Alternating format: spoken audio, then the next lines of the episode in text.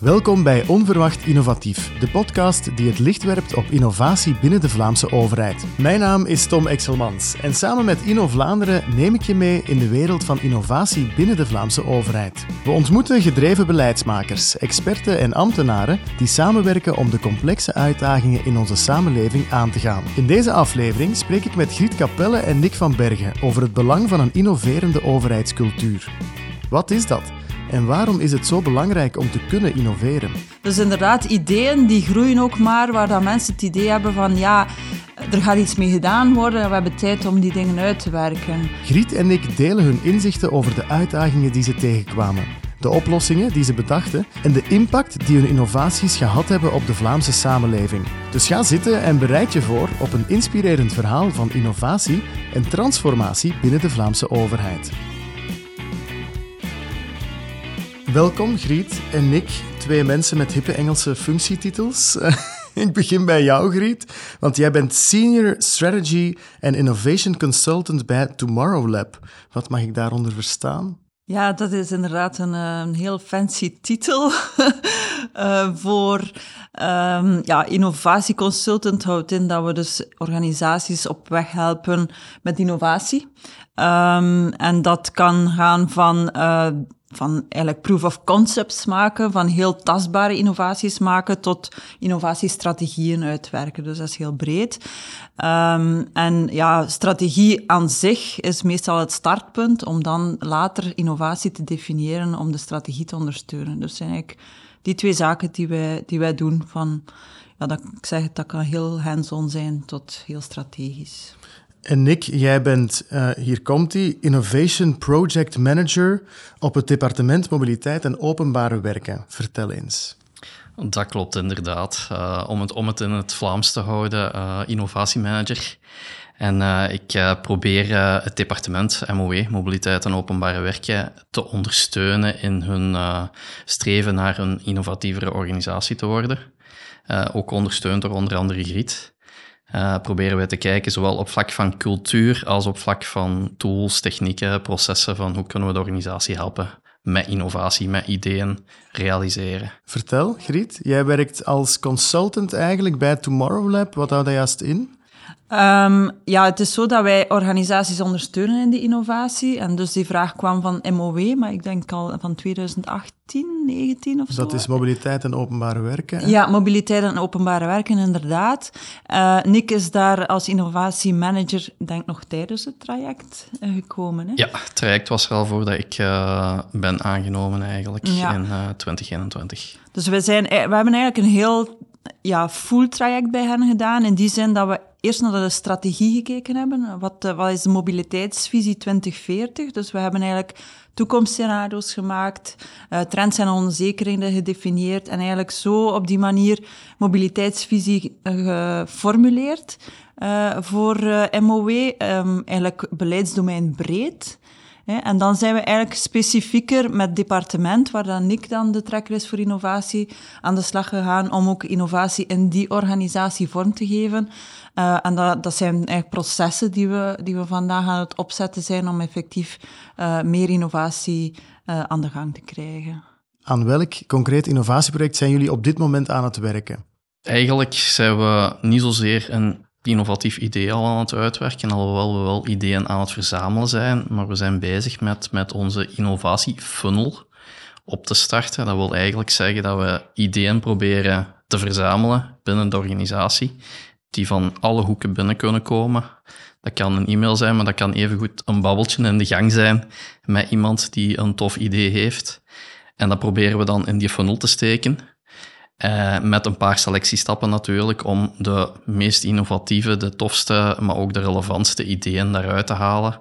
En dan gaan we later dit jaar kijken wat die ideeën zijn en, en die effectief opstarten.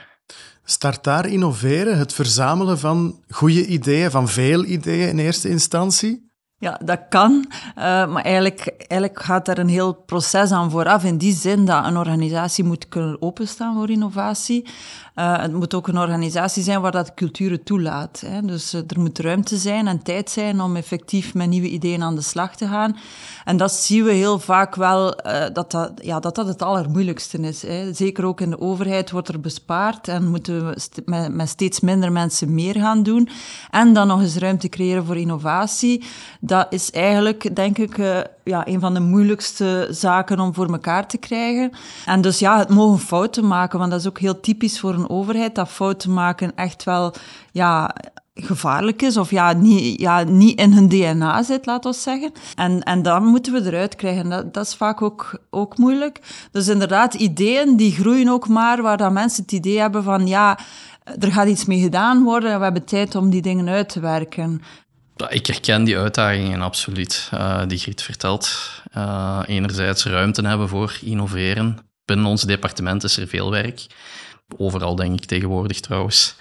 Um, maar om dan even uw dagdagelijks werk, wat ja, aan de waan van de dag eigenlijk uh, ontspruit, om dat naast u neer te leggen en dan toch even verder in de toekomst te denken, dat is niet altijd evident. Hoe begin je daaraan? Zo ruimte creëren in mensen hun schema's, maar ook in mensen hun hoofden? Eerst is het al ja, begrijpen wat innovatie is en waarom het nodig is. En, en dat start vaak bij management, die, die innovatie vaak nog als een soort spielerij zien. Dus de nood aan innovatie, maar ik moet wel zeggen dat sinds corona dat draagvlak iets groter wordt. In die zin dat ze begrijpen dat, dat sommige zaken onder druk kunnen komen te staan, heel plots.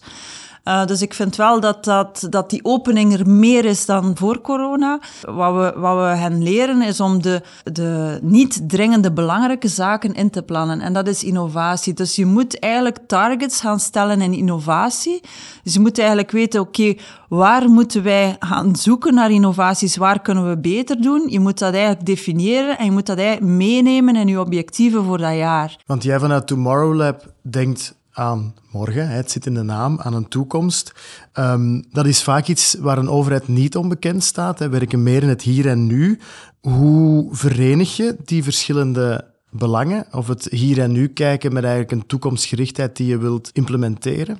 Eigenlijk, een overheid zou echt wel ook over morgen moeten gaan. Hè? Dus dat is, de, is misschien ja, iets dat we, dat we meer en meer moeten doen.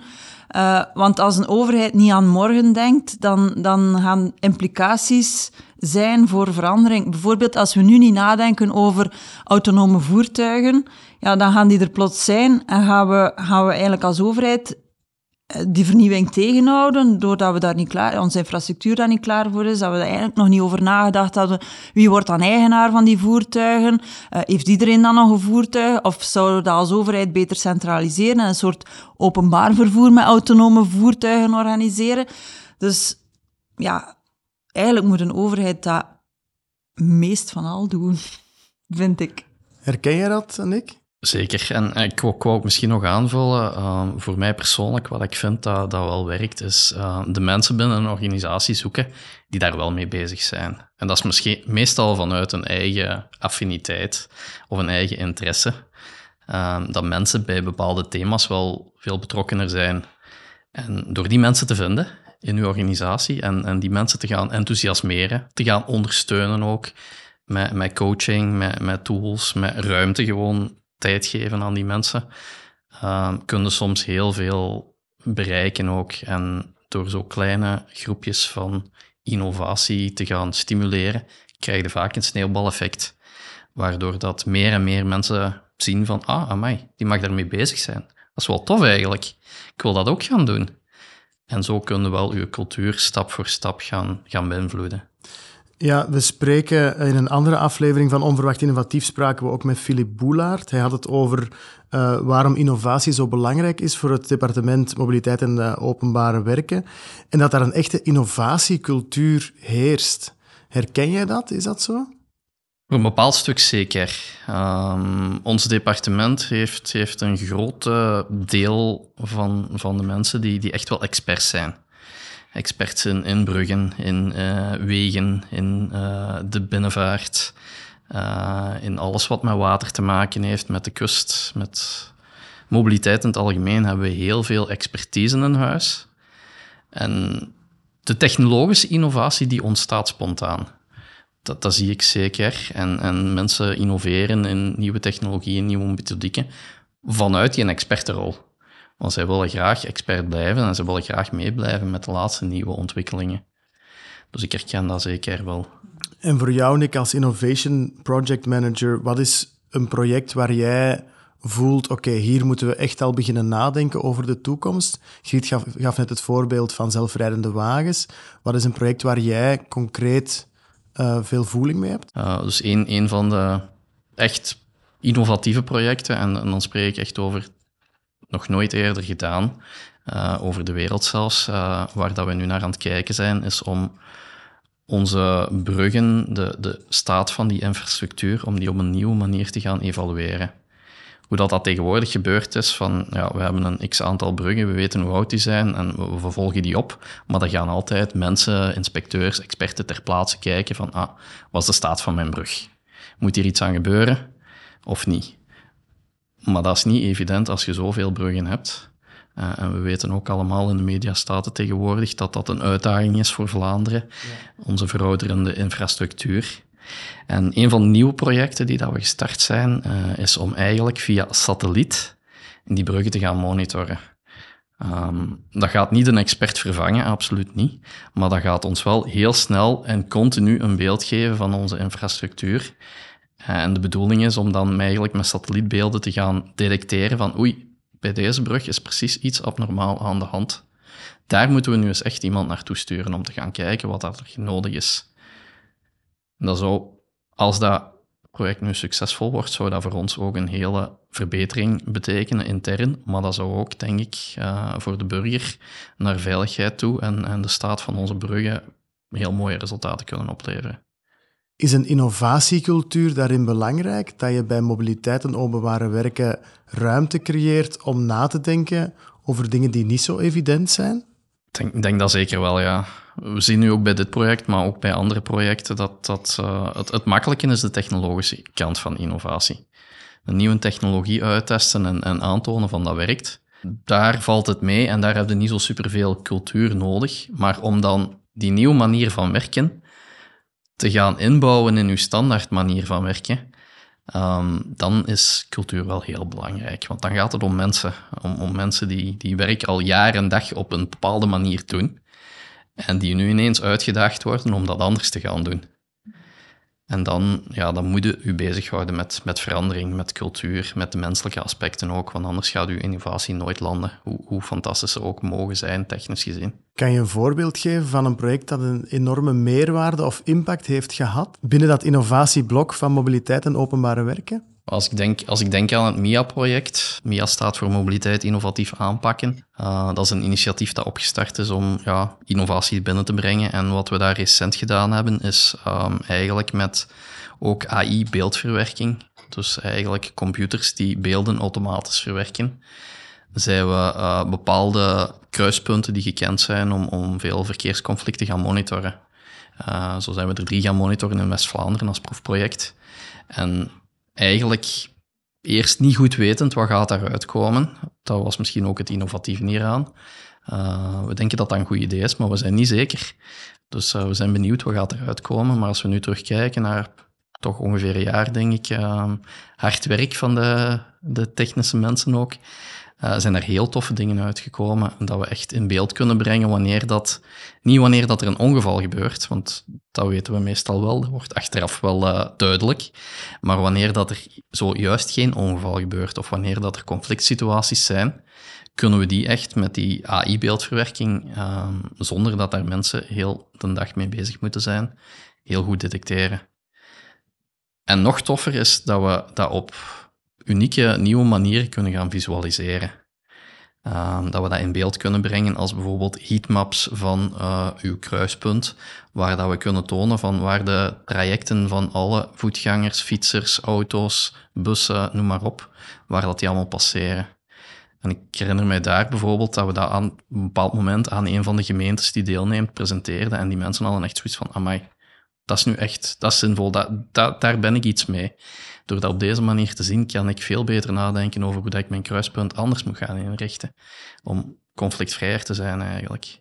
Is dat eigenlijk wat innovatie moet zijn? Iets wat ver weg van je lijkt te liggen naar iets heel concreets vertalen? Ja, eigenlijk ga je innovatie, ga je eigenlijk een, een soort ambitie, zo een heel ver punt in de toekomst, tien jaar, misschien twintig jaar ver, hè, zoals, zoals um, ja, de, de Facebooks van deze wereld en de Elon Musk van deze wereld. Ze zeggen, ja, ik wil, ik wil naar, naar Mars. Of ik wil, dus ze stellen eigenlijk een, een heel grote ambitie om dan effectief de stapjes te zetten met kleine projecten om naar die ambitie te groeien. En het kan goed zijn dat die ambitie nooit verwezenlijkt wordt. Hè, want in de mobiliteitsvisie is een van de zaken hè, nul verkeersslachtoffers of weinig, of hè, ik denk nul zelfs. Nul verkeersslachtoffers. Nul verkeersslachtoffers uh, in 2040. Ja, wat gaan we dan eigenlijk allemaal doen? En dat is één project die daar dan in past. En, en je, je werkt eigenlijk met je innovaties om effectief die droom, uh, en hopelijk is het geen droom, hè, te, te verwezenlijken. Maar dus inderdaad die kapstok hebben van tien jaar verder, twintig jaar verder, daar willen we staan, dan moet eigenlijk alles daarin passen. En dat is waarom dat we eerst altijd een visie willen ontwikkelen en dan een, een, een strategische um, roadmap gaan maken uh, en dan een innovatieroadmap van welke onzekerheden zijn er nog en welke projecten kunnen doen om onzekerheden uit te sluiten. Want dat is vaak ook, men denkt, ja, we moeten innovaties maken die effectief op de markt komen, maar we kunnen ook innovaties doen om te leren en te zeggen, die richting wordt het niet dus je hebt eigenlijk heel verschillende soorten projecten die u een, ja, op den duur eigenlijk een, een richting geven van daar, daar gaan we naartoe. En die u ook de mogelijkheid geven als de wereld verandert om te zeggen, ah, misschien moeten we nu toch die richting in, want die hypothese werkte niet omdat dit en dit waar was, maar nu is dat veranderd, dus hup, gaan we misschien die richting. Dus op die manier hebben we eigenlijk ja, heb je als innovatielab heel verschillende richtingen en ga je eigenlijk samen uh, met de strategische raad de strategie van het bedrijf bepalen door de learnings dat je opdoet in je innovatielab. Als ik daar ook nog even op mag, mag inpikken, um, die doelen, maken die bewust eigenlijk heel, heel moeilijk haalbaar. Uh, nul verkeersdoden, uh, geen, geen emissies meer in het verkeer. Dat zijn geen simpele doelen. Maar omdat die ja, juist zo hoog ligt, die lat, gaan we moeten innoveren om daar te geraken.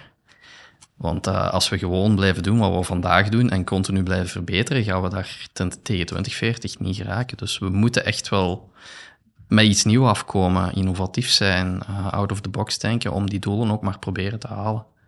Want in een overheid, die is net als in de maatschappij heel complex en er is eerst, eerst een hoge werkdruk. Um, is het wel mogelijk om in zo'n situatie een innovatiecultuur levende te houden? Als ik nu zo nee zeg, ja, dan zou ik uh, natuurlijk mezelf onrecht aan doen. Dus ik, ik geloof daar absoluut in dat dat kan, dat dat mogelijk is. Ik geloof zelfs dat dat noodzakelijk is. Als je niet innoveert, dan, dan je achterop. En, en voor privébedrijven is dat duidelijk.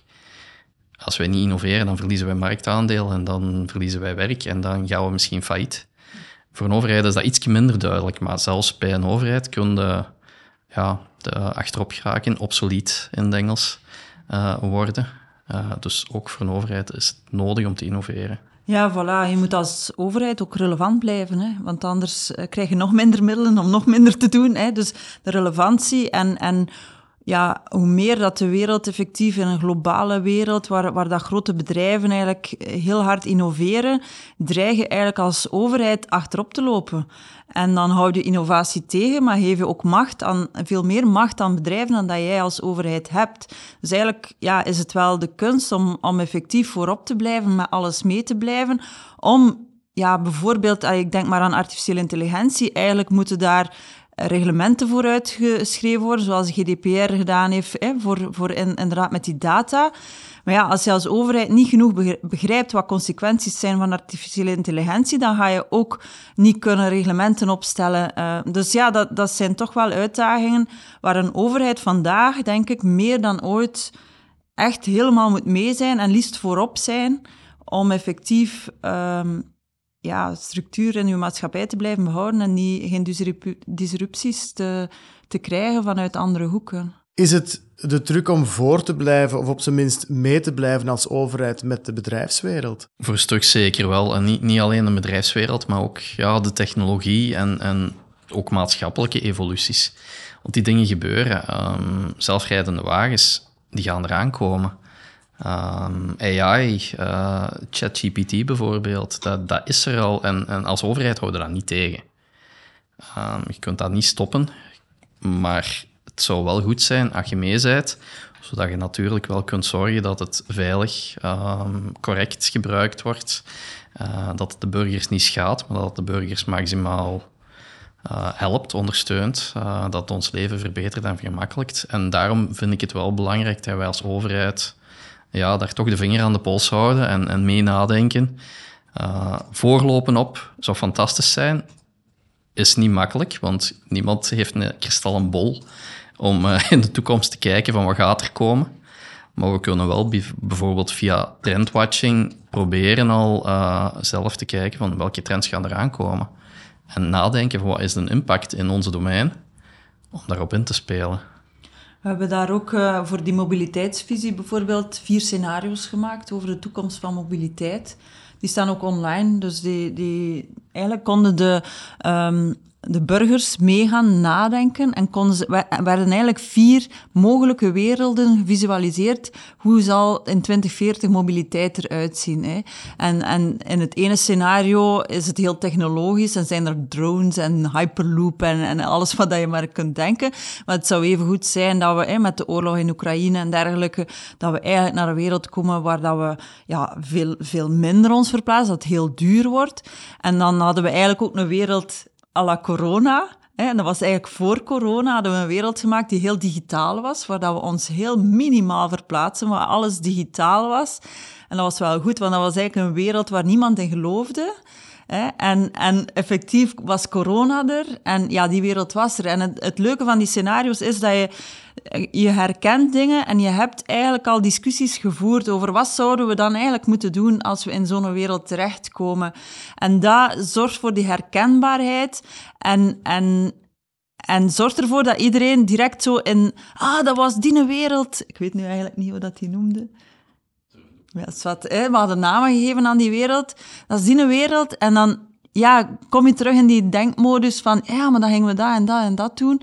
Dus dat is eigenlijk ook wat we, wat we doen met, uh, met Tomorrow Lab, is effectief dat toekomstdenken gaan doen en de toekomst te visualiseren, waardoor dat als er dingen gebeuren, je eigenlijk altijd kunt teruggrijpen, ah, dat was in dat scenario, wat, wat hebben we dan gezegd? En um, ja, dat vind ik wel een, een heel dankbaar instrument uh, om te gebruiken en om mensen ja, attent te maken op er is niet één toekomst. Er, er gaat waarschijnlijk een mix zijn van allerlei zaken die in verschillende scenario's, die we allemaal een keer tegengekomen zijn. En om op de toekomst te anticiperen, moet je op veel verschillende vlakken innoveren? Ik denk, denk het zeker wel, ja. Um, omdat die een toekomst onbekend is, is, is het goed om veel richtingen te verkennen, veel opties te verkennen. En hopelijk zijn we dan beter voorbereid tegen dat we in de toekomst staan en weten wat er gaat komen. Het voorbeeldje waar Griet juist aanhaalde, dat een fantastisch voorbeeld. Als we al nadenken over hoe kan een coronawereld eruit zien op voorhand, zijn we waarschijnlijk sneller wanneer dat zover is. Ja, en dan, dan maak je eigenlijk ook inderdaad je, je, je innovaties op je onzekerheden in die wereld. Hè. Dus dan, dan ga je, ja, maar wat als dat gebeurt? Wacht eens, kunnen we daar vandaag al over iets, iets in testen, zodanig dat we, dat we geleerd hebben voordat het gebeurt. Dus eigenlijk ga je innovaties op die manier gaan opbouwen, dat je klaar bent voor elke wereld. En dan kan je inderdaad zeggen van, kijk, we gaan er nu vanuit, met alle trends die we zien, dat het die richting uitgaat. Maar als dat en dat verandert, ja, we hebben hier toch een innovatiepoot waar dat we toch al wat dingen proberen van mocht het die richting uitgaan. Zodanig dat we naar daar kunnen switchen als het nodig is. En ja, dat is heel dankbaar. Um, ja, het gebruik van die scenario's is daar heel dankbaar. En ik zeg het, allee, ik was uh, zowel met MOW als met Sport Vlaanderen bezig toen dat corona begon. En ook Sport Vlaanderen heeft echt terug kunnen plooien op, op de scenario's die, die gemaakt werden. En, en ja, het leuke was dat daar eigenlijk al nagedacht was over, over dit soort wereld. Ik kan me voorstellen dat er moet samengewerkt worden met heel verschillende actoren. Ehm, is vergroot je slaagkans van innovatie exponentieel als je uh, een goede samenwerking hebt tussen die actoren? Ja, en zeker vandaag moet je samenwerken. Omdat er zoveel kennis is, kan je eigenlijk niet alleen innoveren. Dus innoveren uh, binnen uw organisatie helemaal alleen, dat is voor sommige dingen nog haalbaar, maar eigenlijk voor grote projecten uh, moet je eigenlijk met een netwerk innoveren. Open innovatie is echt wel aan de orde je kan niet alle kennis in je organisatie hebben. Het is zo specialistisch geworden dat je eigenlijk moet met andere, andere organisaties samenwerken, um, ja, echt netwerken gaan vormen. En dat doet MOW ook wel. Hè. Ik denk uh, dat ik daar zeker veel kan over vertellen. Absoluut, absoluut. Allee, we proberen te kijken naar uh, ja, zowel de private markt als de, de burgers, als de academische wereld en natuurlijk ook binnen de overheid. Um, proberen we ons netwerk altijd zo breed mogelijk te houden. We hebben collega's van INO onder andere, innoverend... Uh, oh, nu ben ik dan Innovatienetwerk, Innovatienetwerk overheid. Innovatienetwerk overheid, juist. Sorry, Kaatje, schiet mij niet af. um, dus dus met, met dat soort samenwerkingen um, proberen we natuurlijk ook ideeën van buitenaf in te halen. Heb je tips voor organisaties om beter samen te werken op vlak van innovatie met de Vlaamse overheid? gewoon doen, zou ik zeggen. Gewoon contacten leggen, met, mensen praten, met elkaar praten en, ideeën pingpongen. Ik, ik, heb zelf altijd zoiets van ene persoon met een goed idee, dat is, dat is heel tof. Maar een paar mensen met een gelijkaardig of eenzelfde goed idee, als die samenkomen, dan, dan kan er veel ontstaan, dan kan er veel gebeuren. Een sprong in het donker richting meer innovatie. Nick van Bergen en Griet Capelle, hartelijk bedankt voor dit gesprek. Graag gedaan. Graag gedaan en dank u wel dat we hier mochten zijn. Dit was Onverwacht Innovatief. Bedankt om te luisteren. Heeft deze aflevering je geprikkeld of ben je zelf geïnspireerd om te innoveren? Beluister dan zeker ook onze andere afleveringen. Je vindt ze op vlaanderen.be slash innovatienetwerk-overheid of via jouw favoriete podcast-app.